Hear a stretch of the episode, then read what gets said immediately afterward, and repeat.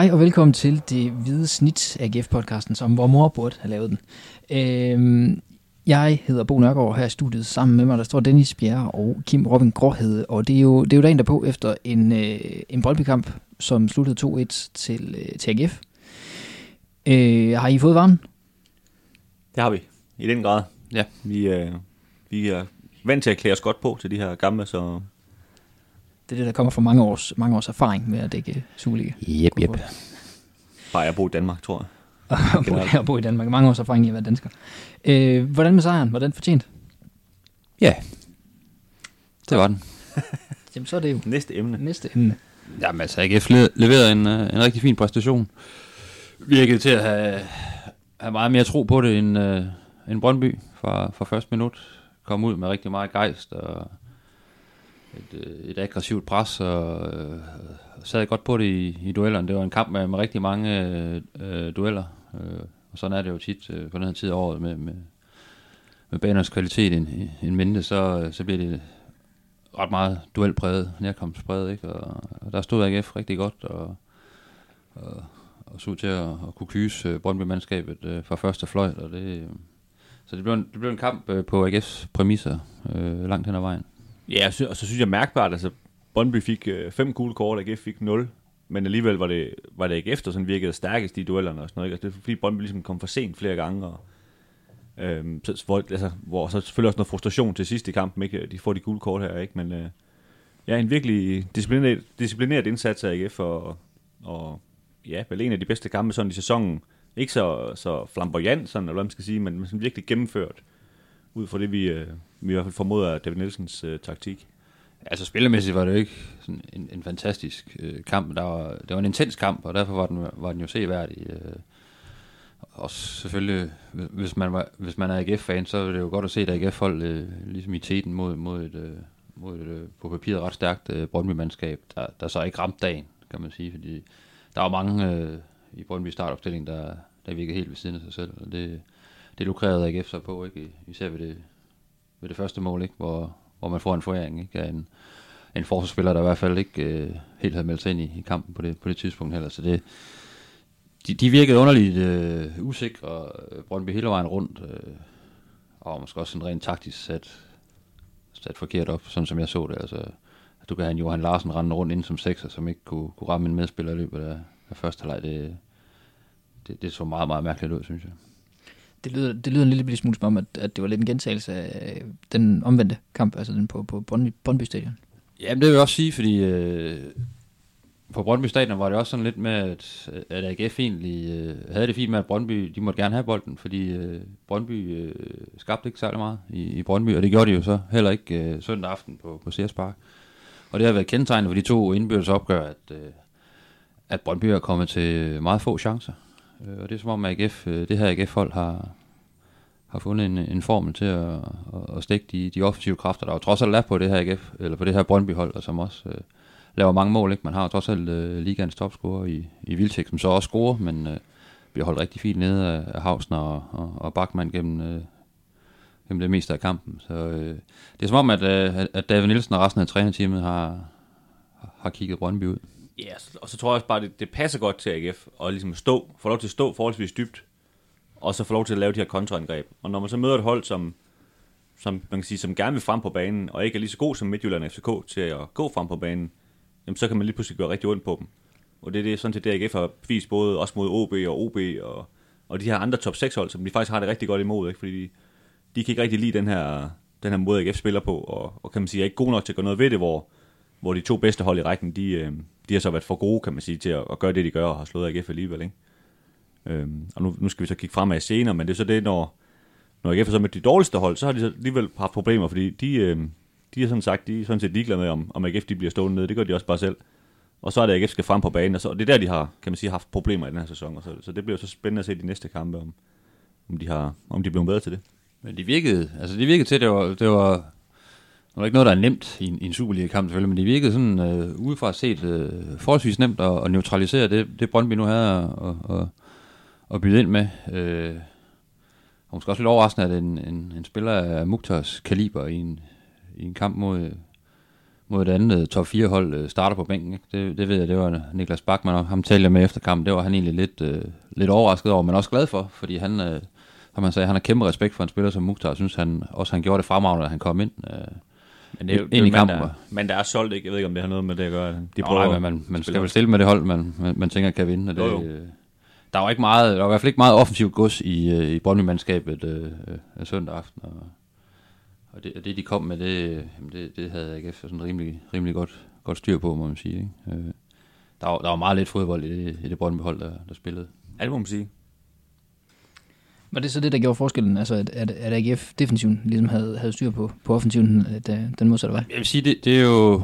når- I sådan en duelpræget kamp, der handler det om, hvem der, der går hårdest ind i duellerne. Ikke? Og det, det gjorde AGF. Øh, og man kan også se faktisk øh, ret tidligt i kampen, at det frustrerede flere af Brøndby-spillerne. At, øh, at Namini, en, en Bachmann og en, øh, en Nikolaj Poulsen øh, virkelig gik til den i, i, i de første nærkampe, og allerede der lagde, lagde linjen. Og, øh, og det, det jerngreb kom der ikke, kom de ikke rigtig ud af Brøndby. Øh, og det, det, det var det, der gjorde forskellen, for så vinder du også anden boldene, når du er, når du er mest aggressiv i nærkampen. Hvis, hvis ikke du vinder dem, så, så har du en mand ved siden af dig, der så, der så står klar til at tørre over. Ikke? Og der, der var AGF bare et, et skridt foran hele tiden, og, og havde lidt spidsere albuer, eller meget spids, mere spidse albuer end, end Brøndby-spillerne. Øh, nu har jeg lagt mærke til flere gange, at de har sagt det her med, at øh, AGF'erne var mere aggressive end Brøndby-spillerne, men, men alligevel, øh, alligevel så fik de ingen gule kort. Hvordan, øh, hvordan kan det hænge sammen? Altså, nu, nu synes jeg for det første, i hvert fald Nikolaj Poulsen var lidt heldig med ikke at få et gult kort. Øh, det har han jo nærmest hver kamp, han ikke får det. Øh, Jeg skulle lige sige, det ikke så tit, man hører den sætning. nej, øh, nej, det lykkes ham som regel at få det gule kort. Så, så det er selvfølgelig også det med statistik, ikke? Altså det, nogle gange øh, er det også lige sådan lidt tilfældigt, om, om man lige får det gule kort eller ej. Men, men derudover, så synes jeg, at, at Brøndbyerne, de får deres gule kort på, på frustration, og de får det på, kan man sige, på at lave de her takninger, hvor de kommer for sent. Øh, blandt to gange med, med, med Bundo, hvor han ligesom piller bolden fra dem, og så, og så laver de et, et stort frispark, fordi at, øh, de sådan bliver overrasket over hans, hans hurtighed. Øh, og det er jo ikke dem, AGF laver. AGF laver bare dem, hvor de går hårdt ind i taklingerne, uden det sådan, kan man sige, bliver svinsk. Øh, og så kan man sige, så dribler de måske lige uden om de gule kort, ikke? Øh, gør det på en mere, altså, ja, den fysisk kortbetonede måde, end den her sådan lidt mere lidt svinestregsmåde, eller måske som er mere tydeligt i forhold til at få kort. Ja, det er klart, det kan godt se lidt skævt ud bagefter, ikke? Øh, For som, som Dennis også siger, altså Nikolaj Poulsen læner sig jo altid ret kraftigt op af et, op af et gult kort. Og, Alene det, han er med, gør vel at... Ja, ja. øh, og, og jeg har også læst mig til, der, er- der er ret mange Brøndby-fans, der, der er rasende på sociale medier over, at Patrick Mortensen ikke også får, får gul, og nogle mener også, at han skal have rødt, for han har åbenbart stanket nogle, nogle albuer ud i nogle af de dueller, der også var. Det, det kunne jeg så ikke se, øh, derfra hvor jeg sad, men øh, så, så jo, der blev gået til grænsen, øh, øh, men, men igen, altså AGF'erne var et skridt foran, og det, så ser det ikke lige så voldsomt ud, som hvis du er et, et skridt bagved, når du, når du laver et frispark. Jeg hørte i en anden podcast på, øh, på et tidspunkt en, øh, en Brøndby-fan argumentere for, at nu var der faktisk ikke særlig langt op til FCK på andenpladsen. Øh, nu blev det så til AGF's anden sejr over det her Brøndby-mandskab. Øh, og nu har AGF så to point op til Brøndby og tredjepladsen. Hvordan øh, er de et bedre hold end Brøndby? An- Antyder, at AGF ikke har lagt om til andenpladsen med den der Det var, logiske det, rækkefølge, der, du har der, der, der kan du, øh, det kan du godt argumentere Ja. for. Ja, ja. De skal jo lige på tredjepladsen først. Jo, men jeg kan forstå på Ekstrabladet, at de jo allerede i dag snakker om, øh, det dufter af medaljer i Aarhus, tror jeg, der stod på forsiden. Men er de, er de bedre hold? ud af vinduet. Det, det, det er ikke medaljer, det dufter af, Dennis. Det er noget andet. Øhm, men er de et bedre hold end, end Brøndby AGF? Altså nu har de slået dem to gange, så det er måske et dumt spørgsmål. Det er det jo. Når de har vundet to gange, øh, og endda fortjent begge gange, så, øh, så er de et bedre hold. Men altså, Brøndby har jo så skrabet flere point sammen stadigvæk, selvom de har, de har tabt 6 til, til AGF. Så, så set over sæsonen har Brøndby jo været bedre. Øh, AGF er bedre end Brøndby. Mener du? nej, nej, men altså Brøndby er jo foran AGF. Nå, på den måde, okay. Øh, ja. du tæller pointene sammen, ikke? så set Ja. over hele sæsonen, altså alle kampe, er, er, er de jo et bedre hold, fordi de har to point øh, mere end, end AGF. Men i indbyrdes møder, der, møder, der har, der har AGF øh, været bedst. Øh, Ja, det det er jo det, altså det, det er jo derfor, at fodbold er så fascinerende, fordi det er, altså det er lidt mere nuanceret end det, kan man sige. Ikke? Øh, for AGF har tydeligvis ligesom rendt Brøndby ud, øh, og de står godt til Brøndby. Men som vi snakkede om før, så øh, når AGF så skal møde Silkeborg og Hobro og Lyngby, så har det lige pludselig svært. Og der har Brøndby jo så tydeligvis været, øh, været bedre til at skrabe nogle flere point sammen øh, mod de hold. Og det er jo det, øh, det der AGF, kan man sige, skal løfte sig, hvis de, hvis de vil højere op. Men hvis man skal måle ud for de her to kampe, så er AGF jo et bedre hold, ikke? fordi de, de sidder fuldstændig på Brøndby i, i, i, i begge kampe, kommer til, til flest chancer, øh, har scoret fem mål i de to kampe, ikke? Så, så på den ud for de, de kampe, der er AGF øh, markant bedre end Brøndby. Øh, og jeg vil også sige, det er, det er det tredje og det fjerde bedste hold i, i ligaen lige nu. Jeg skal lige øh, også tage, tage OB med, men øh, de, er ved at, de er ved at skille sig ud som, øh, Men som I- reelle tophold. Jeg siger, det overrasker mig faktisk også, at Brøndby de havde vundet fem kampe i træk i Superligaen inden den her kamp her. Det overrasker mig også, at de havde gjort det. Øh, fordi jeg synes, de, sådan har, de har haltet meget, og så nu de her to kampe mod AGF, har de ikke øh, på nogen måde været imponerende. Så, så jeg ved ikke helt, hvor, hvor det er kommet fra. Men de har selvfølgelig nogle, altså nogle gode spillere i, i blandt andet uh, øh, Vilcek, som, som kan afgøre en kamp, uh, øh, nærmest selv. Og, og Kaiser osv. Og, øhm, og det er selvfølgelig også noget, der, sådan noget, der gør det. Ikke? Fordi sådan rent, uh, rent holdmæssigt, der, der er de i hvert fald langt fra, fra FCK, som du starter med at sige, at, at de lå tæt på. Jeg synes også, hvis man kigger sådan på de to startopstillinger i går, det er jo ikke sådan, at du, du falder bagover, øh, når du ser Brøndby startopstilling. Altså, som jeg også sagde før, bare det der Johan Larsen bliver, øh, spiller 6, ikke? Og du, Og der er også en som ham Rosted, som jeg ikke, Ja, jeg om heller det er planen, han skal spille for Brøndby i, i den nærmeste fremtid, men han virker ikke helt klar til det i hvert fald. altså, det, det, det, er, øh, det er ikke et hold, der sådan er, er spækket med, med stjerner, men de, har jo, de er jo kommet langt i den her sæson på også et godt kollektiv, og de, de fungerer godt sammen og har været godt sat op, men det, det var de ikke, øh, det var de ikke mod AGF. Der var mange, der ikke ramte, øh, ramte dagen. Og sådan. Altså, Dominik Kaiser, som Dennis også øh, snakker om, har jo virkelig været stærk i den her sæson, men han var jo helt væk fra, fra pladen mod, mod AGF. Øh, Ja, og, og det virkede tydeligt, at, at de var klar på at, at sparke ham i haseren, hver gang han fik bolden, og det, det kunne han helt tydeligvis ikke lide. Øh, at, og man borger sig også lidt til dommeren over det selvfølgelig, og sådan noget, men, men det, det er jo, kan man sige, det er, det er sådan Superligaen er. Det er også sådan, Randers de, øh, har spillet på de sidste øh, 10-15 år, og Sønderjyske. Og de, øh, det går også meget godt for dem, så, så det, det skal man vente sig til, hvis man vil spille Superliga.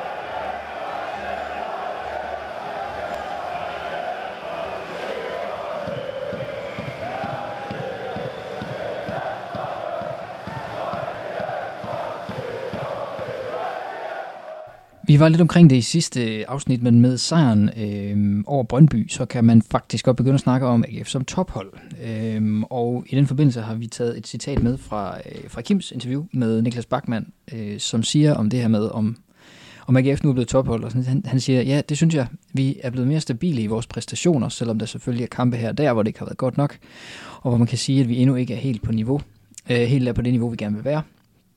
Øh, men der er ikke så mange af de kampe mere. Det har været vores, det har været vores problem før. I den her sæson har vi spillet mange kampe på det niveau, vi gerne vil ramme, og som retfærdiggør, at vi ligger der, hvor vi gør. Og øh, lige inden vi gik, vi gik ind her, der spurgte vi lige, om, øh, om øh, I derude er enige med det her med, det her med, at øh, AGF nu er tophold, og der virker til, i hvert fald lige for de to svar, vi har nået at få, inden vi begyndte at sende, øh, at være rimelig bred enighed om det. Øh, Thomas Andersen, han siger, nu skal vi top 6, der er ingen grund til at tale medaljer. Øh, er muligheden der med 3-4 runder igen, så kan vi begynde at kigge på det. Og Niels Østergaard, han siger, øh, skriver, at øh, topniveauet er til, i hvert fald til top 4. Hvis top 3 skal nås, skal AGF undgå de dårlige stimer, der har været, øh, der har været to af i sæsonen. Og så skal klubben undgå for mange skader, eller samtidig karantæner, med mindre flere af de unge laver en Hausner, og så hashtagger han det med top 3 kræver medvind på cykelstien. Øh, er AGF blevet tophold i den her sæson, eller hvad?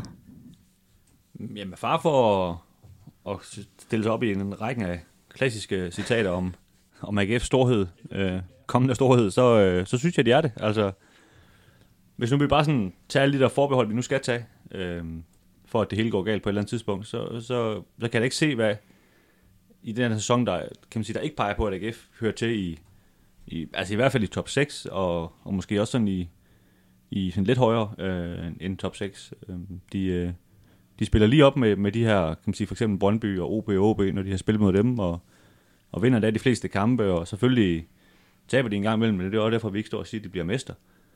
Øh, så ja, det synes jeg helt bestemt. Altså det, vi er da- nået et punkt, hvor det vil være voldsomt skuffende, hvis de ikke når, når top 6.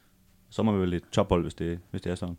Jeg synes, øh, når man ligger i top 4, så er man, så er man tophold i, i, i min verden. Ikke? Så ved jeg godt, der er, der er FC Midtjylland, der, der er stukket af, og et FCK-hold, der også sådan, øh, alt andet lige er et niveau over både AGF og, og OB og Brøndby, sådan som jeg, sådan som jeg ser det. Øh, over en hel sæson i hvert fald.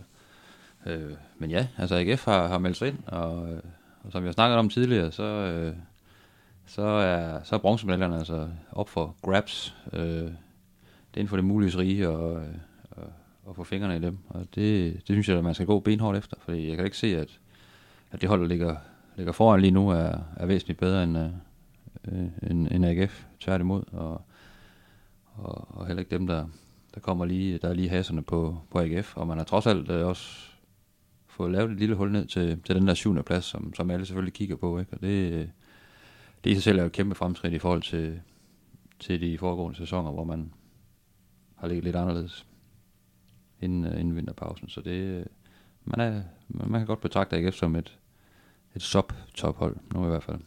Ja, så, så skal man så bare huske, at, at uh, sidste år var Esbjerg et tophold, blev nummer tre. For et par år siden var Lyngby et tophold, blev nummer tre. Et par år før det var Sønderjysk et tophold, blev nummer to. Så, så man kan sige, og det, det er ikke for at forklare deres præstationer, for det har selvfølgelig været nogle gode præstationer, men, men man kunne bare se de hold falde ned igen hurtigt. Og det er jo selvfølgelig det, der sådan betegner et, et rigtigt tophold, at man over en årrække blander sig i toppen.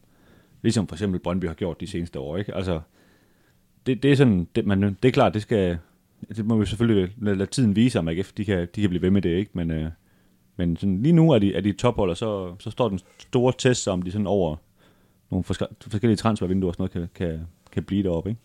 Det er også det, vi, vi bedømmer dem jo ud fra, fra den sæson, der er i gang nu. Og, og der er der i hvert fald klare fremskridt i forhold til, til de seneste sæsoner. Øh, Helt enig. Og så, øh, som du så siger, så, så kræver det så et, et nyt træk øh, i næste sæson og sæsonen efter, ikke? Og man sådan på, på mere permanent basis kan kalde sig for et tophold. Men, øh, men her nu, der, der er man jo tophold, øh, i og med at man ligger inden for, for, for top 4, synes jeg. Det så jo ikke lige øh, just sådan ud, øh, hvis man sådan kiggede på starten af sæsonen, øh, at AGF skulle blive et øh, skulle blive tophold. Hvad, hvad er det, der er sket i, i mellemtiden? Jamen, de er jo begyndt at vinde fodboldkamp, jo. Og det hjælper nogle gange på, øh, på, øh, på mængden af, af point, man, øh, man samler sammen. Hvad laver du, Dennis? Ja, ikke noget. Det var Dennis, der står og jonglerer med rumkuglen. øh, man fik jo, øh, altså AGF fik en rigtig dårlig start på sæsonen. Øh, faktisk øh, efter nogle kampe, hvor man egentlig selv synes, man spillede ret pænt, men øh, var det et point efter de første fire kampe eller sådan noget. Øh, Ja, de tabte til Midtjylland og FCK og Lyngby, ikke? Ja. Så fik de uafgjort mod Hobro. Og det var som om den der Lønby-kamp, i, jamen det var i fjerde runde, det ligesom var et, var et wake-up call, og så tog man i hvert fald til Sønderjysk og fik, øh, fik heddet 0-0 øh, med hjem. Men, øh, men derfra er der jo kommet øh, ni sejre i 12 kampe. Så har der været lige en lille, et lille hul ikke, med, med tre kampe i træk, men så har man jo vundet.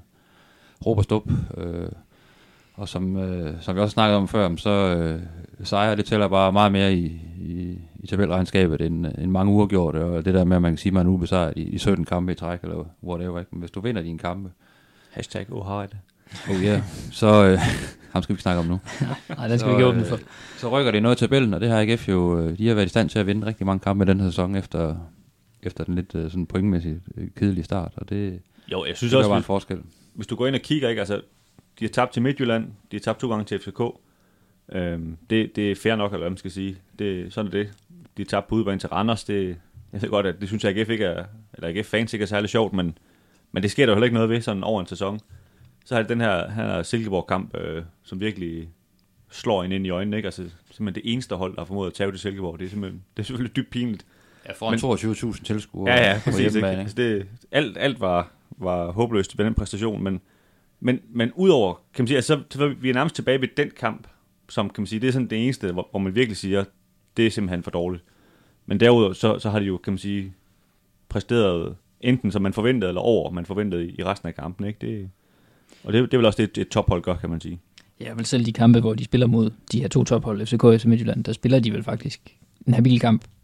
Ja, på, på trods af, at de så ender med at der, der, er de jo, der er de jo godt med i de, de kampe, i hvert fald i, i, i perioder. Især mod Midtjylland, synes jeg jo godt, man kunne, øh, man kunne snakke om, at man skulle have haft mere med øh, for den kamp. Så det, men sådan generelt over, set over, over sæsonen, så, øh, så synes jeg sådan, at, at, at formkurven har været, været stigende. Så har der lige været et lille hul, ikke? men der er, noget, der er noget energi og noget, noget gejst og noget tro på egne evner, som er blevet bygget øh, op i løbet af sæsonen. Og, Ja, et eller andet bundniveau, altså hvor, ja, det, altså de, de har ligesom noget, de falder tilbage på. Jeg synes for eksempel selv den der Randers-kamp, som jeg ved godt var er sådan lidt udskilt, men, men altså, så det var, jeg synes ikke, at AGF spillede dårligt, men kampen blev, som den blev, fordi Randers også spiller på en måde, som, som AGF også lidt gør, ikke? og så, så står de der og, og bokser lidt med hinanden, og så scorer de tilfældige tilfældigt mål, og så vinder de så kampen, men det kunne AGF lige så godt have gjort, og, og AGF har så haft nogle andre kampe, hvor for eksempel med OB, hvor det er så dem, der scorer det, det tilfældige mål, og så vinder i stedet for, ikke? Men, sådan, sådan går det jo lidt frem og tilbage i fodbold, ikke? Men, men sådan rent præstationsmæssigt, altså er det vel kun Silkeborg-kampen, hvor man virkelig kan sige,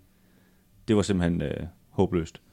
Ja, jeg synes, den energi, der, der kom ud af holdet mod, mod Brøndby, også mod, mod Sønderjysk, og, og den måde, man sådan rent taktisk spillede på i, i far mod Nordsjælland, ikke? Altså det, det vidner om et hold, der, der har en del af strenge at spille på, og, og, og som virkelig tror på, på sig selv, ikke? Og det, det, det er jo positivt, må man sige.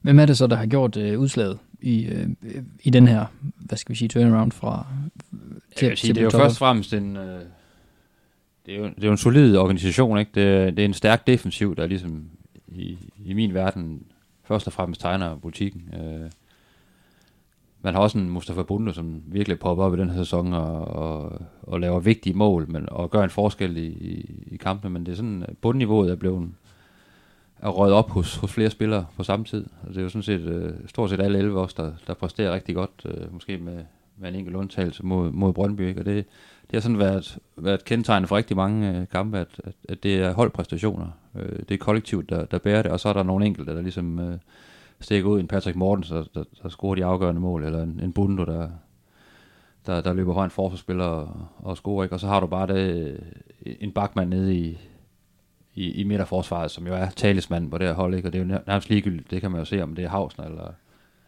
Tinga eller Julesgaard, spiller sammen med, så, så bliver der kittet godt sammen, ikke? og ikke for svært at spille imod, så... Ja, nu, nu har der selvfølgelig gået lidt, lidt mål ind, øh, men han havde jo den her fantastiske stime, hvor, han, hvor der ikke var gået mål ind på ham et år. Øh, og der går stadig ikke mange mål ind, vel? Altså, og det, han, han, han kitter bare det her godt sammen, det her hold, og det, der er ingen tvivl om, han er, han er klart den vigtigste mand, kan man sige, på den defensive side af delen eller banen. Øh, og så, så, som du siger, Bundo, altså han scorede sit, øh, sit syvende mål i, i den her sæson i går. Øh, jeg tror, han har scoret, var det, er det ni? Har han scoret hele tiden for AGF i Superligaen? Altså de tre år inden, ikke? Så, så det siger jo lidt om en mand, der har taget nogle ryg.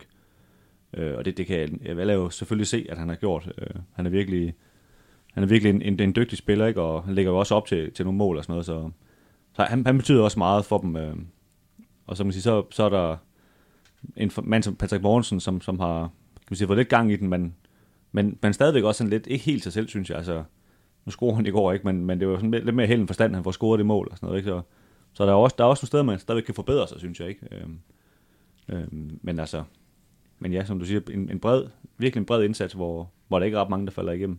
Jeg synes, der er en, der er en styrke i, at, at man, man forsvarer med hele holdet. Det er ret tydeligt, at det, det er en enhed, øh, holdet, og, øh, og det, det starter jo op med Patrick Mortensen, øh, og så synes jeg netop, at, øh, at AGF's evne til ligesom at, at sætte de rigtige øh, højder på, på deres pres, ikke om de går helt op i et, i et rigtig højt pres, eller det bliver mere halvhøjt og lidt mere, hvor man, hvor man starter lidt længere tilbage, og så, så lukker sammen om, om boldholderen øh, øh, lidt, lidt længere ind på, på, på modstanderens banehalvdel. Det er sådan, der, der, der, der er sket noget rent taktisk der, at, man, øh, at spillerne er rigtig dygtige til ligesom at, at selv tage temperaturen på kampen, og så finde ud af, hvornår de skal, de skal sætte presset ind. Og, og der, der spiller midtbanen altså også ind med Nikolaj Poulsen, som jeg synes jo også er en, en, en vigtig del af, at man, man forsvarer eget felt også, at øh, han, han, han får fat i rigtig mange bolde foran, øh, foran bagkæden.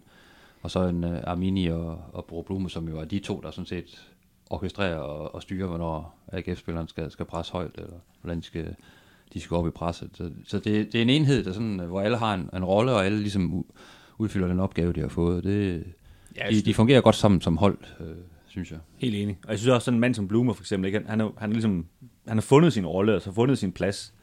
De skifter heller ikke så meget ud på holdet længere, vel? Altså det, han har ligesom fundet nogle folk, han, han stoler på, og, og kan også se, at nu ligger han i gåsøjne op til, til et mål igen i går, med, med den aflevering, han har til, til Thorsteinsson, øh, som så spiller, spiller hvad hedder det, Mortensen, der scorer, ikke?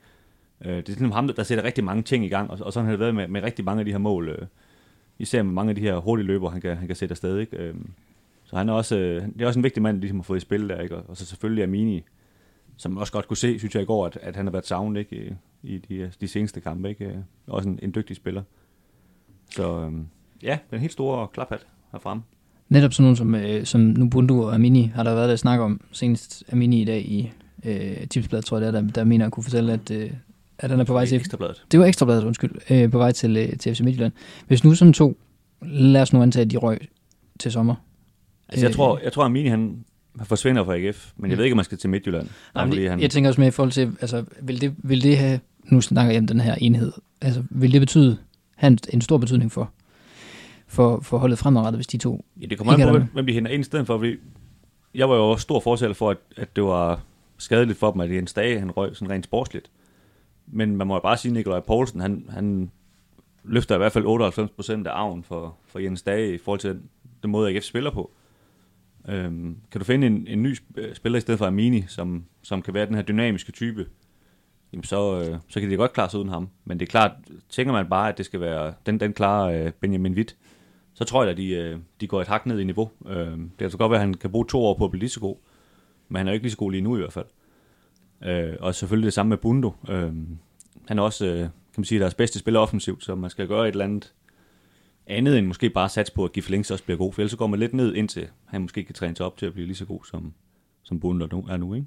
Jamen, som, altså bunduer, de hænger ikke på, på træerne. Altså, han er, han er jo, han er jo en, en ret speciel uh, spiller, ikke? Altså, ly, altså lynhurtig og kan noget på egen hånd, ikke? Og øh, de andre er jo, de andre hold er jo tydeligvis øh, bange for ham, når han kommer farne der. Øh, øh, den slags spillere er der ikke mange af, og slet ikke på Superliga-niveau. Så han vil, han vil helt sikkert blive savnet, og selvfølgelig ryger han afsted på et eller andet tidspunkt. Men det er også, altså, fodbold er heller ikke statisk. Altså, der er jo der er, øh, rigtig meget udskiftning i, i spillertrupperne i alle Superliga-klubberne. Men, men vi må jo også formode, altså vi, vi snakker jo måske 40 millioner, eller hvad ved jeg, man kan få for Bundo. Det bør man jo, ikke? Øhm, og, og der må man jo formode, at nogle af de penge bliver brugt til at, at geninvestere i holdet, ikke? Og købe en, en anden god fløjspiller, som, som ja, måske ikke er lige så god, men, øh, men det kan måske være, at man både kan købe en god fløjspiller og en ny god højreback, eller hvad ved jeg, et eller andet, ikke? Så, så man på den måde løfter sit hold, ikke? Og det er jo det, øh, andre hold i Superligaen også gør, altså Midtjylland og så videre, forbedrer deres hold på den måde, ikke? Der kan man sige, der har, det synes jeg også, at AGF allerede har været, været på forkant, i og med, at man kan sige, en, en Gif Links er også hentet ind til, til på sigt ligesom kunne, også kunne løfte sit spil. Jeg ved godt, han er en anden type end, øh, end Bundo, men han kan, jo, han kan jo også noget. Nej, har ikke. Han lige så store lovmuskler. Men, øh, han, han kan nogle ting med bolden, ikke? Og, og det vil selvfølgelig gøre, at ikke spiller på en, på en lidt anden måde, men det, det, det, det behøver ikke at være, være negativt. Og det samme på, på de to backs, hvor man også ligesom har, øh, har garderinger klar med, med Gersbach og, og Kevin Dix, så, så, så man har jo man har allerede sådan ligesom polstret lidt på, på, på mange positioner, og, og gjort sig klar på, at, øh, at der kan ryge nogle folk, øh, hvis det rigtige tilbud det, det kommer. Det, det kan man også se med, med en Zach Duncan også. Altså, han vil jo på sigt også kunne gå ind og, og, og afløse en Armini, eller blive den nye Armini. Og det kan en Benjamin Video også. Men det synes, jeg synes jo i øvrigt, sådan helt generelt, at det er også en af forklaringerne på, at, at det går så godt, som det nu gør for AGF, at, der er jo ikke nogen positioner, hvor man kan sige, åh, bare han ikke bliver skadet. Altså, for eksempel, hvis Bundo bliver skadet, så kommer Angersen ind, og, og det er måske ikke det samme niveau, men det er da, det er 85 procent af det, eller et eller andet. Altså, stadigvæk en rigtig god spiller, ikke? Og så, sådan, sådan kan du gå hele vejen rundt på holdet.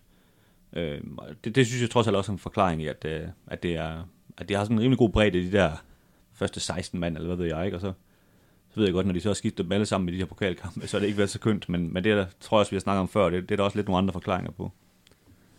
Ja, altså, du kan også bare se det på, på det centrale forsvar. Altså, nu, nu snakker vi rigtig meget om, om Bachmann, ikke? men det, det virker lidt til, om, om det er Juleskov eller Tinga eller Hausner, der spiller dem, så, så kan de alle sammen fungere rigtig godt sammen øh med, Bachmann. Du vil selvfølgelig have balladen den der, hvis Bachmann han, øh, skulle gå ind og blive, blive skadet igen, ikke? men så tror jeg nu også godt, at med den erfaring, øh, Hausner og den selvtillid, han har, han har oparbejdet nu, og den naturlige selvtillid, en, øh, en ting, jeg har, og den, og den ro, som en Juleskov altid vil spille med, lige meget øh, hvor lang tid han har siddet udenfor dem, så, øh, der er man også godt dækket ind. Så, det, så ja, det, det har du ret i. Det er, sådan, det er hele vejen rundt. Men jeg, jeg tror faktisk, det er ham, der gør mest ondt. Øh, Bachmann, hvis de mister ham. Altså, jeg tror, det, det er der, man AGF, de falder mest i niveau, faktisk, tror jeg.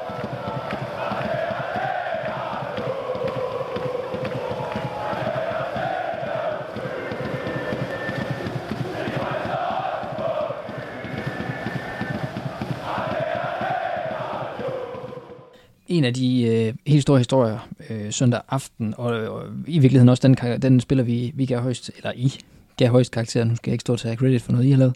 Øh, Sebastian Hausner øh, er jo, har jo i, høj, i allerhøjeste grad spillet sig ind på, øh, på førsteholdet i AGF. Hvad, hvad er der sket med ham? Jamen, det er jo lidt, øh, det er en lidt vild historie, faktisk. Altså, han, han, var det i marts, han fik øh, sin debut i Superligaen mod, øh, mod Vendsyssel. Der var han på banen i 17 sekunder, og så, så førte de så 1-0 Vendsyssel, fordi han, øh, han bare boostede frem, og, og så spillede de i dybden bag ved ham.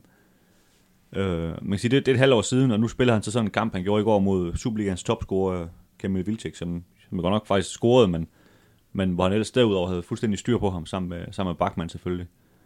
Øh, en, øh, en flot udvikling, og, og må jeg indrømme, en, en spiller, som, som når jeg sådan har set de der træningskampe, de så spiller i nogle af de unge, og, og så videre, hvor, hvor jeg aldrig, jeg aldrig sådan rigtig tænkt, at han, øh, han bliver da helt sikkert den, den helt store spiller øh, i fremtiden. Men, øh, men jeg vil bare sige, at han er en mand, der virkelig, virkelig løfter sit niveau, øh, og virkelig præsterer rigtig, rigtig godt. Nu har han fået tre kampe i træk her mod Nordsjælland og Sønderjysk og, og så Brøndby, og gjort det, gjort det rigtig, rigtig godt. Øhm, ja, en mand, der vokser om opgaven, ikke? Øh, kun 19 år gammel stadigvæk, så, så det, kan blive, øh, det kan blive til rigtig meget for ham, tror jeg. Det er jo altså, det er en, det er en spiller, der egentlig har været undervejs øh, et stykke tid nu, og jeg kan huske, at jeg snakkede med, med David Nielsen øh, tilbage i, i, i juli måned efter en af de, de første kampe, hvor han sagde, at øh, læg mærke til, til Havsner, han, øh, han rykker virkelig nu øh, på træningsbanen, og har virkelig taget nogle store skridt. Øh, og sådan sad og tænkte, ja okay, det, det er jo fint nok, men der er jo ting her, der er jo... Øh, Julesgaard. Der er Julesgaard, som var dem, der spillede på det tidspunkt, ikke? og så er selvfølgelig også en bakmand, der, der, der gjorde sig klar, så der tænker man jo, jamen, det er jo... Han står, han står jo bagerst i køen, ikke? Men, øh, men der kan man sige, at øh, den gode cheftræner har jo, har jo fået, fået ret i, i, i den analyse, han havde på det tidspunkt, at øh, han så en ung, ung mand, der virkelig tog nogle store skridt, og det, det handler jo netop om, som Dennis også siger, hvis du sammenligner med den, den præstation op i Vendsyssel, hvor der var meget sådan øh, ungdoms øh, friskhed over, over de første aktioner i den kamp, ikke? og lige, lige, øh, lige hissigt nok i, i måden, han gik frem til, til bolden på, der er han langt mere velovervejet, øh, og det er også tydeligt, at han har bygget noget fysik på, og det gør også bare, at du spiller med en anden selvtillid, og han lignede jo nærmest en, øh, en, en Sanka i går, den måde han spillede på, sådan meget oprejst og meget øh, rank i, i måden, han gik ind i duellerne på, og det, når, når, en, når en midtstopper gør det, så, så er det fordi, han har kæmpe selvtillid og, og tro på, at han, den her duel, den vinder jeg, øh, uden jeg skal rive i trøjen eller gå ned i en eller anden vanvittig takning bagfra. Og det, så der, der er kommet en anden ro over hans, hans spiller, en anden tro på, på egen evne. Jeg tror altid, han har haft en tro på egen evne, men øh, nu er det også bare kommet ind i en, en boks, som, øh, som fungerer i, i Superligaen. Ja, han, han er også lidt en, en forfriskende type, eller hvad man skal sige, som, som virker til at bare have den der selvtillid fuldstændig indgroet i knoglerne. Ikke? Sådan, han er jo en vildbasse, ikke? Altså. Sådan lidt af Thomas Graver snak, ikke? Altså, hvor, hvor du kan ikke rigtig pille den, pille den fra dem, lige meget hvad du gør ved dem. Øhm, og jeg tror måske også, det er derfor, han er, han er den første af de her øh, år 2000'ere, som, som virkelig bryder igennem, ikke? Fordi hvor de andre måske går, går og putter lidt og synes, at øh, det hele er lidt stort, så, så tror jeg, han er lidt uimponeret af, hvad der, hvad der foregår. Han, øh, han tænker, det kan da sagtens klare. Øhm, og det, det har han i hvert fald også bevist, ikke? Altså, jeg tror, var det, han har, han har spillet ni kampe for AGF, nu har ikke vundet de syv, og så spillede han så den der uafgjort, hvor han, hvor han selv dumte sig op i Vendsyssel, og så tabte de, så de tabte en enkelt, ikke? Det er jo, det er jo, en, det er jo en statistik, man får selvtillid af, ikke? Når, fodboldspillere, de ved jo godt selv, når de er på banen, og når de ikke er på banen, ikke? Og de kan godt huske, at, at de vinder som regel, når de selv er med, ikke? Og det, øh, det er flot. Jeg tror, også, jeg, jeg tror, jeg fortalte det før, men øh, jeg tror, det var, det var træningslejren i, i, i januar februar øh, 17, ikke? hvor han også var med, som, hvor han kun var, øh, var 17 år gammel, og de var sådan et, et kul af de her 4-5 stykker fra, fra samme årgang, der, der var med. Ikke? Øh, og når man kom ud til den første træning på den, øh, på den træningslejr der, men den, den spiller man kunne høre over det det hele, men det var altså 17-årige Sebastian Hausen. Ikke? Øh, han har det her gen med, at han, øh, han er meget, meget dirigerende og meget, meget verbal. Han er jo sådan lidt en gadedreng. Ikke? Øh, øh, og det, det har han stadigvæk i sit spil, men han er, han er blevet lidt mere afdæmpet, og sådan øh, lader ligesom øh, Bachmann styrer det, det show dernede, og så øh, er han blevet bedre til at koncentrere sig om ligesom at, at spille spillet og, og tage sine dueller. Øh, hvor man måske før sådan havde lidt, øh, lidt et indtryk af, at han gik lidt mere op i at, at være ham, der, der dirigerede med de andre og råbte, øh, råbte højt. Ikke? Og det, det, det klæder ham virkelig. Og så, så siger jeg ikke, at man skal tage det af hans spil, fordi han er en naturlig leder inde på banen og en, og en vinder, men, øh, men øh, han, har, han, har, han har fundet sin rolle og hans måde at spille på. Og, og jeg synes også sådan rent offensivt i går, man, man, man ser, øh, vi sad og talte om det under kampen på flere øh, hjørnspark døde bolde. Altså det er ham, der når op ved forreste stolper for den hættet videre, skaber farlige situationer, så der er også et, et offensivt potentiale i ham, øh, som jeg ser det. Nu nævner, nu nævner du selv uh, Bachmann, og ham snakker vi så om uh, lige før. Har det hjulpet, uh, har det hjulpet Hausen at spille med, at han har spillet, spillet ved siden af ham? Det tror jeg helt bestemt. Uh, nu har han jo heller ikke med i de der første kampe, han, han fik i foråret. Øh, og det kan selvfølgelig have noget, noget at sige, ikke, at man, man ikke spiller mod en, eller ved siden af en, en rutineret mand. Men, men jeg synes, man kan se på alle om det så er Tinger eller Julesgaard eller Hausner, der spiller ved siden af Bachmann, de er bedre, når, når Bachmann er med, fordi han, fordi han simpelthen bare er god og, og dirigerer og ja, tager, kan man sige, over 50 procent af, af den, de 100 procent, de har til sammen og skal rydde op, ikke? Øhm, så selvfølgelig er det, er, det, er det nemmere at spille ved siden af ham. Men, øh, men jeg synes nu også, at han, han viser, at han sagtens kan, kan spille selv. Så hvis, hvis Bachmann skulle blive skadet, så, øh, så vil jeg også tro, at øh, David Nielsen han har tiltro til, at han kan spille ved siden af Tinger for eksempel, uden at de, øh, de falder igennem med den grund.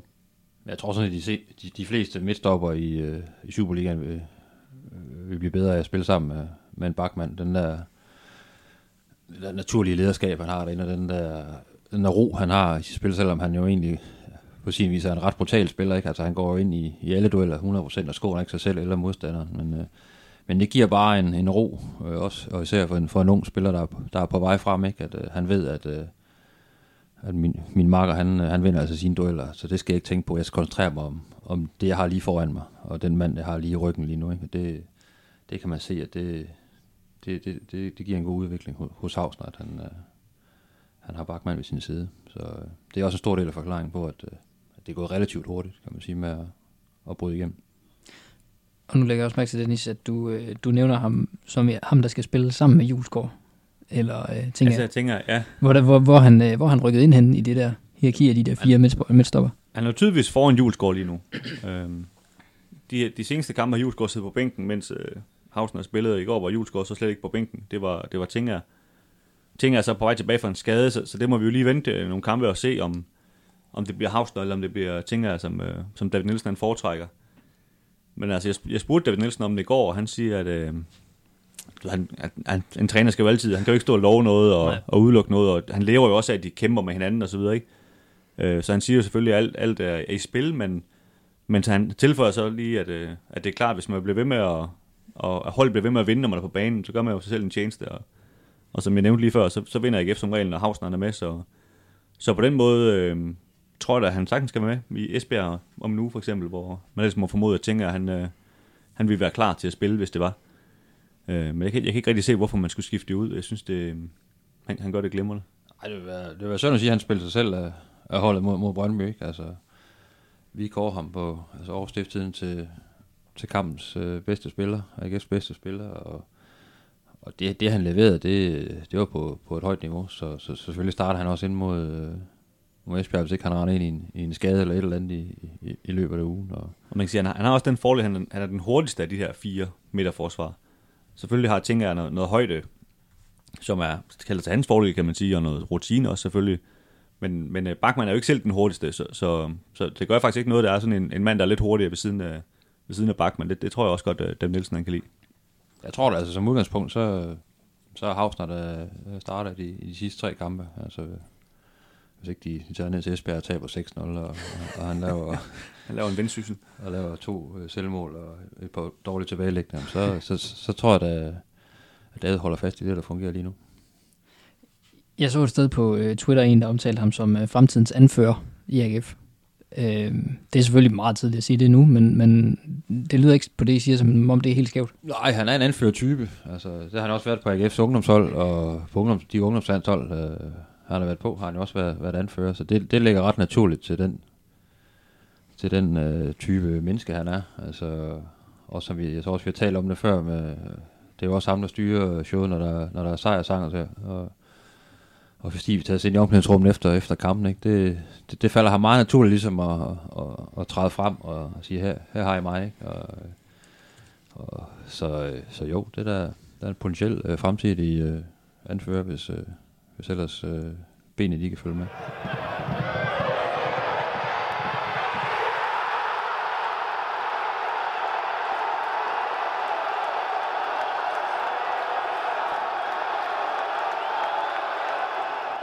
Nu træder vi lige for et øjeblik i, hvert fald uden for banen og kigger lidt på tilskudsnittet, som jo i AGF øh, i, det her, øh, i den her sæson er, er over 10.000, 10.217 for at være helt præcis.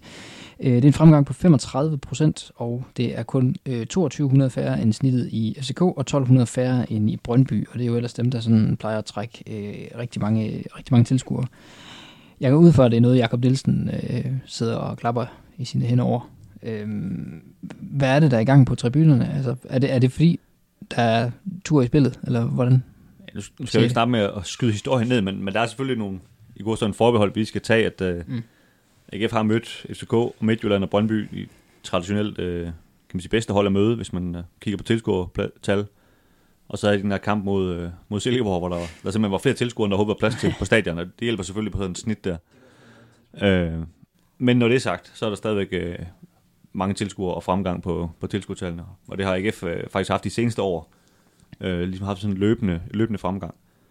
Og det, øh, jeg, jeg tror i virkeligheden, det hænger mest sammen med, at, at spillet også er blevet bedre, og de vinder flere kampe. Det, historisk set er det det, folk de, øh, de interesserer sig for i Aarhus, om AGF de vinder eller taber.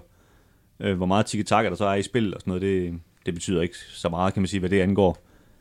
Og jo, det kan da godt være, at de så har i deres marketingafdeling lavet et eller andet tiltag, som gør, at der, der kommer 400 mere. Der er jo blandt andet nærmest en temadag hver eneste kamp. Ja, lige det, så er det både børn og studerende og sådan noget. Jeg glæder mig til, at det bliver fædrenes dag, eller hvad? Jeg kan, Sportsjournalister. Kan komme, ja, lige præcis. Kan komme ind under et eller andet der. Men, øh, og selvfølgelig, det, det trækker da også nogle tilskuere, men, men, men jeg tror mere, det er, at AGF vinder fodboldkampe, der er vigtigt for, om AGF de, øh, har mange tilskuere til, til den næste kamp, de spiller.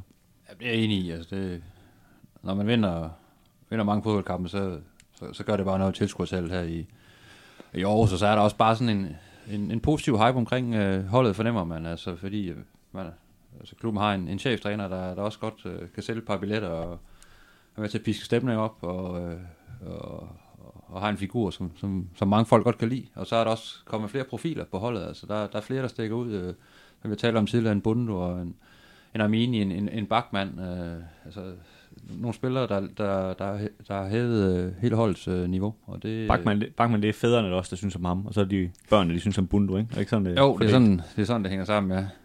Og så pigerne, de er helt pjattet med Eskalinen, eller hvad? Ej, det er Benjamin Witt, tror jeg. Ja, han spiller jo ikke så meget. Ah, nej, kig på ham alligevel. Men det er, Patrick Mortensen også. Det er jo, det er jo imponerende i sig selv, at der er den her, den her tilskuer fremgang på, på tribunerne, ikke? Og ja, Patrick Mortensen, ja, han er, ja, ja. det er rigtigt. Der er noget model... Øh, det er præcis. Potentiale der. Ja.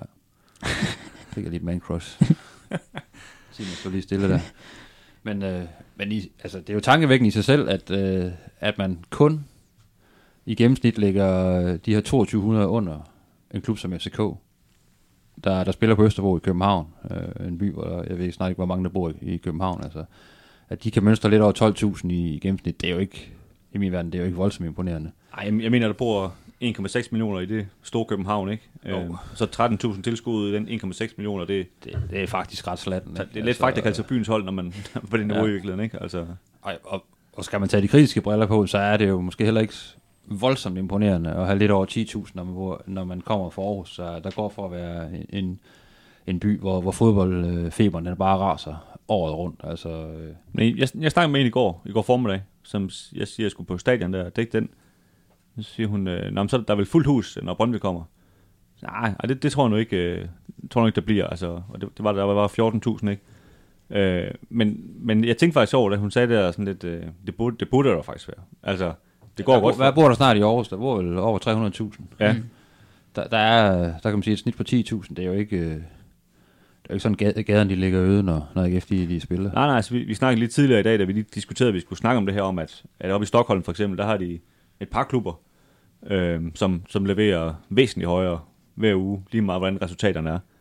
Der, der er trods alt en anden fankultur, hvor, hvor resultaterne i AGF, der kan du stadigvæk kigge på, når der så er en pokalkamp mod øh, OB, hvor jeg ved ikke, om det er fordi, at der ikke er lige så mange VIP-billetter, eller hvad der lige skete, men, men der var så var det 3.500 tilskuere lige pludselig. Og ja, den blev spillet kl. 20.15, men altså hvis man er diehard fodboldfan, så, så kan man også gå til fodbold kl. 20.15 en torsdag, ligesom man kan kl. 19.15 eller 18.15. Men omvendt, så er der jo så er der kæmpe potentiale, kan man sige, hvis, hvis AGF øh, bliver sådan en permanent tophold og begynder netop at spille om, om medaljer, og måske øh, på sigt kommer, kommer endnu længere op, og, og måske også kommer i endnu en pokalfinale eller, eller to, ikke? Så, øh, så er det jo også et tal, der, der er til at rykke i den, i den positive retning, og så, så snakker vi jo lige pludselig, at de kan komme til at overhale øh, FCK og, og, og Brøndby, for så langt ligger de heller ikke øh, fremme på, på gennemsnittet. Jamen, det, det er jo det, der er så interessant ved AGF, som, om, som man kan mærke, når man, når man bor og arbejder med det. Altså, nu, nu dækker jeg også øh, basketball ved siden af. Og de har ligesom deres faste tilskuerskare, som som selvfølgelig rykker det sig en lille smule, om de spiller i Europa, og de spiller de her DM-finaler. Men, men der snakker vi nogle, nogle få procent, der ligesom kommer mere. Ellers er det ligesom de samme mennesker, der kommer ud og ser det her. Hvor AGF, der kan du jo mærke, altså for eksempel med den her pokalfinale for, hvor det er 16, hvor altså hele byen sidder jo simpelthen, altså, øh, og man, alle ens venner lige pludselig, som man da godt vidste, godt kunne lide fodbold lidt, de spurgte ind, om man kunne skaffe en billet, og jeg ved ikke hvad, altså, så vil alle lige pludselig være en del af det, være med, ikke? Øh, og det er ligesom det, det, er det AGF kan, altså der, der er, kan man sige, i går sådan rigtig mange skabsfans, som, som når det går godt, så, så er de klar, og så er der selvfølgelig den her, også en stor del af kerne, som, som kommer hver gang, ikke? Og, man kan sige, er lidt mere i, i, øh, i, i både med i vinderne, eller i sejrene og i nederlagene, ikke? Men, øh, men der er virkelig en stor, et stort potentiale, når, når det først begynder at køre.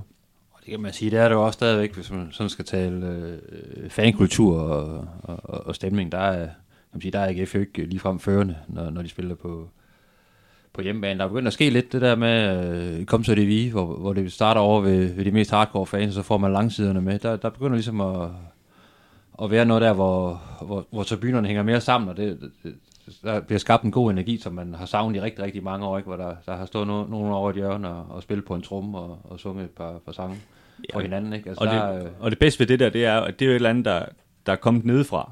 Noget man tilfældigvis finder på på tribunen, og så er de andre siger, nå, så gør vi også det, og vi, man kan sige, det, det så også fint ud, at de lavede den her tifo i går, da, da spillerne kom på banen, alle har det her plastik op, men det er jo et eller andet, der så kommer overfra, og det er alt, altså, prisværdigt, man forsøger at gøre noget, men, men det giver bare ikke det samme, når det kommer overfra, altså fra klubben af. Det, det er, når det kommer nedefra, og så må man jo mene, hvad man vil om Brøndby, der tænder romolys i et væk. Men det giver bare en anden stemning, og det giver en anden øh, autenticitet, at, at de gør det. Det ser fedt ud. Øh, det ser simpelthen fedt ud, og så øh, selvfølgelig skal man ikke være ved at ramme hinanden med kanonslag, men, øh, men, men det skaber bare en anden stemning, som gør, at, at når man er barn, det kan jeg da huske, at det var det, man også kom for, til fodbold for at være at se på det der, og synes, det var, det var interessant. Men det, det, er, lidt, det er sådan lidt vildt at, at tænke på, øh, når man ser, hvor, ja, hvor, hvor vilde Brøndby faktisk er, når de er, når de er afsted i, i, i Jylland. Selv sådan en søndag aften ikke, i, i Aarhus. Hvor mange mennesker de kan mobilisere over på udebaneafsnittet, som, øh, som jeg forstår det, var, var fuldstændig udsolgt. Ikke?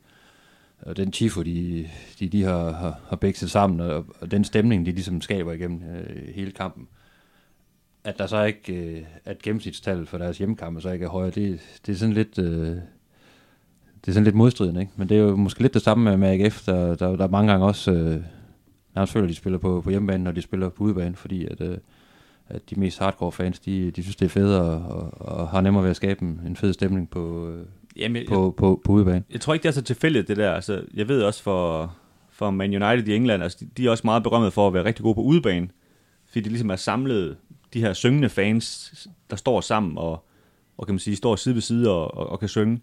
Hvorimod de jo også er meget berømte for på deres hjemmebane, selvom der kan være små 80.000 tilskuere, så er der stille som i graven, ikke? fordi de sidder øh, blandt øh, nordmænd og danskere og thailænder og hvad ved jeg.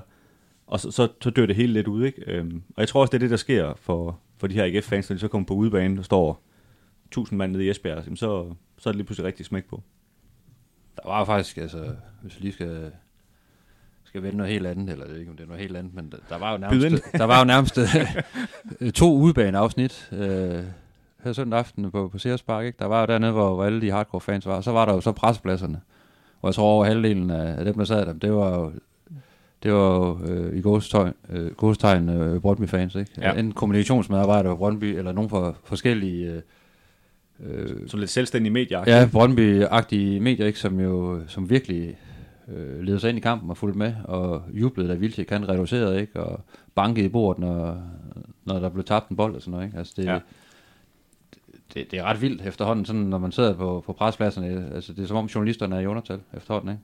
Og det, det, men, det virkede helt... Øh... Men det, det er jo det, jeg synes jeg også, man kan mærke, at Brøndby er en større klub end AGF stadigvæk. Det er også det, der var min pointe, faktisk. Ja, fordi det, det er jo det der, altså når, når de hiver det der med, ikke? Altså, og man, og man kan jo mærke på de der mennesker, der vi sad ved siden af, de, det var ikke ligegyldigt for dem, om Brøndby de vandt eller tabt. Øh, det var virkelig noget, der, der brændte ind i huden på dem, ikke? Og det, man kan sige, at AGF har, ja, os selv, sagde hunden, og, og Jyllandsposten, som, som følger dem tæt, og så har de nogle fanmedier, der som, kan man sige, er lidt, lidt frem og tilbage. Nogle gange er de der, nogle gange er de der ikke.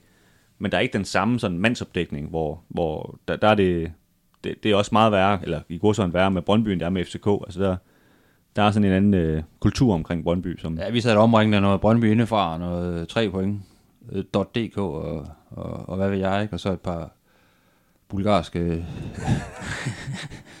bet, betting-typer, ikke? Som, som jo stadigvæk af en eller anden grund får lov til at, at sidde på brætspladserne, selvom... Bulgarske Det er betting, betting-typer, det lyder på ingen måde suspekt. Nej, men det er det, det, er det faktisk. Ja.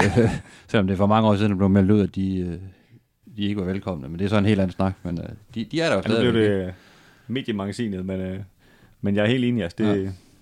Det, ja, det, det giver et billede af, for at komme tilbage til det, at, at, at Brøndby er en, er en stor klub, og- man kan sige, det, på den måde halter AGF en lille smule efter Brøndby stadigvæk, men, men hvis vi skal binde en knude på det her, en rød tråd, så, så tilskuer øh, fremgangen.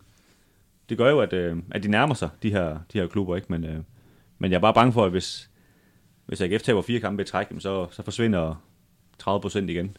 Fordi så, de var der sådan set mest for, for sejren. ikke? Ja, og så tror jeg, der vil Brøndby være i stand til øh, at holde sig på de her 11-12.000 noget mere stabilt, om de så taber syv kampe i træk eller ej. Der, der, der, det er måske der forskellen ligger på de, på de to klubber. Ikke? Og, og FCK, det, det er jo meget Europa.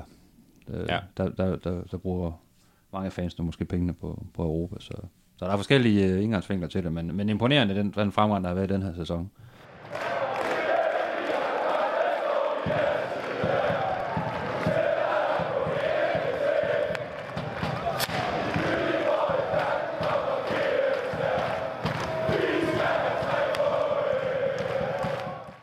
De næste to kampe, der står der Esbjerg og Lyngby på programmet, og øh, sådan som den her sæson har, har flasket sig, vel to hold, som AGF bør kunne slå, eller hvad?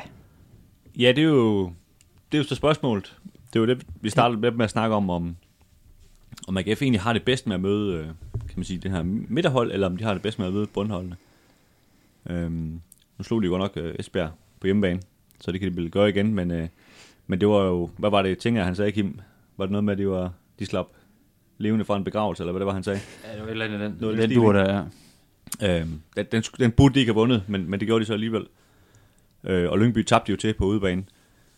Øhm, Lyngby er så godt, godt nok øh, utrolig meget bedre på hjemmebane, end de er på udebane, så, så det er måske ikke helt den samme styrke, der kommer fra det hold, men, men jeg synes faktisk, det er sådan nogle kampe, hvor AGF de skal ud og bevise, at de er det her tophold, som vi har snakket om. Fordi hvis de kun får et eller to point mod de hold der, jamen så, så er de mere, kan man sige, top 6 hold, end de er tophold. Men til gengæld, hvis de virkelig kan, kan sætte trumf for at vinde de kampe her, jamen så, så får de også, kan man sige, lukket den her diskussion, om de kommer i top 6 eller ej, for så er der lige pludselig vil være rigtig god afstand ned til, til syvende pladsen. Men det er selvfølgelig... Øh, det, det, det bliver sådan en mental udfordring, tænker jeg. Altså at komme fra, fra en Brøndby-kamp, øh, som er blevet talt rigtig meget op, ikke? Og det er, det er nummer 3 mod nummer 4, og, øh, og så, så skal møde Esbjerg, et Esbjerg-hold på et fuldstændig gudsforladt stadion, hvor, hvor der sidder der er ikke særlig mange mennesker. Altså det, det, jeg ved godt, der er, de, de har et pænt tilskuertal i Esbjerg, men det virker bare altid, øh, som der ikke er nogen mennesker, fordi det er så, det virker så stort, det stadion, ikke? Så det, det er ret stemningsforladt at, at spille i Esbjerg. Det, det kan i sig selv blive en udfordring, når man lige kommer fra nogle kampe, med, hvor der har været rigtig mange tilskuere. Jeg tænker så, at Lars Olsen blev ansat til at starte en fest dernede. Ja, ja, og det, det er jo skide godt for Esbjerg. Altså, så det, det, det, det, er jo en, det er jo en farlig kamp at komme ned til, når, når, Det han, man- ligesom, det man når han ikke- ligesom tænder op under gryden der, ikke? Og, og Det, sætter det, noget, det, man ikke kan se på, det man ikke kan se, fordi der er jo ikke, ikke er billede på det. Dennis, der bare står lige ved omkomme af sin egen vits Ja, om Lars Olsen. Det var ikke nogen vits. Jeg konstaterede bare, at han starter, ja, ja. og festen startede. Jamen, der, ja, jamen, du er en sjov fyr, der er du. Øh, men men øh, for lige at få det tilbage på rette spor, Dennis. Så, øh, tak, Kim så er det to, øh, to svære kampe, sådan rent mentalt, øh, tænker jeg. Altså, men så, også som Dennis siger, øh, to kampe, der kan, der kan definere resten af sæsonen øh, langt hen ad vejen, fordi får man, øh, får man fuldt udbytte, så, øh, så lugter det meget, meget kraftigt af, af top 6, og også mere end det. Øh, kommer man slapt ud i de her kampe, så, øh, så bliver man jo et af de hold, der kommer bagfra, og så er man pludselig inde i den der øh, store superdags igen, hvor, hvor, hvor alt kan ske, og man lige så godt kan blive nummer 7 eller 8. Ikke? Så, Ja, lige præcis. Og det, det spiller også ind til, de, altså de, de har jo Midtjylland lige inden jul af den, den sidste kamp, ikke? Og altså får du fire eller seks point mod de hold, der, så kan du mere tåle at sige, ja, det, det bliver så nok sandsynligvis et nederlag i, i Herning, ikke? Men det, det gør så ikke så meget, kan man sige. Men hvis man sætter sig selv under pres, jamen, så, så er man lige pludselig rigtig meget under pres i den her Midtjylland-kamp også lige pludselig, ikke? Så det, det hele enten er en, en god eller en dårlig cirkel, man ligesom spiller ind i, ikke? Men også, altså, skal man tage, skal man tage AGF øh, seriøst som tophold, så øh, sådan alt andet lige, så skal man kunne slå et hold som, som Esbjerg, som jeg synes spiller gudjammerligt kedeligt, og det gjorde det også i, i sidste sæson, hvor de så vandt bronze på en eller anden vanvittig måde, ikke? og det har vi talt om før. Jeg, jeg fatter det stadigvæk ikke. Vi skal, vi skal lige tale efter, om de rent faktisk fik så mange point, Ja, der, som det, står på listen. jeg, jeg husker, jeg, jeg prøvede ligesom at sætte mig ind i, hvordan, øh, hvordan det var i Esbjerg. De, de spillede så en del kampe med dem, og jeg, jeg, jeg var ved at falde om hver gang, altså hjemme, hjemme i, i, i sofaen. Det var simpelthen så kedeligt, og det har jeg også set den her sæson. ikke? Nu har de godt nok lige slået Silkeborg, men nej, hvor var det dårligt. Altså, Men efter at have været bagud 1-0 til dem, ikke? Nu, jeg mod et endnu dårligere hold, ikke? Altså, ja. Som jo ikke gider forsvare, og det er jo, det er jo helt vildt.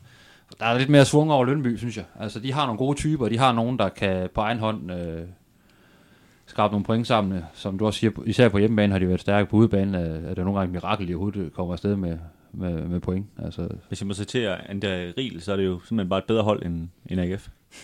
ja, ja, og han er jo en frisk fyr type, ikke? Der, der siger rigtig mange ting, så man må skal også trække sige. lidt fra. Men, øh, men øh, igen, hvis du kigger på, øh, på de to trupper, så, så, så er ikke, skal AGF være, være bedre end Lønby, og især hjemme på, på Sears Park, der tænker jeg, at, øh, at der skal man kunne, kunne sætte sig på, på et Lønby-hold, der bestemt ikke har været gode på udebane. Ja, det vil også sige, det, altså den, den skal de vinde. Øhm, så kan jeg, kan man sige, jeg godt leve med, og det kan alle jo andre være ligeglade med, hvad jeg kan leve med, men med, med at AGF spiller uafgjort i Esbjerg, altså det, det, det kan godt være inden for de rimelighedens grænser, ikke? Men, øh, men Lyngby på hjemmebane, den, den skal man simpelthen vinde, hvis man vil blande sig i toppen.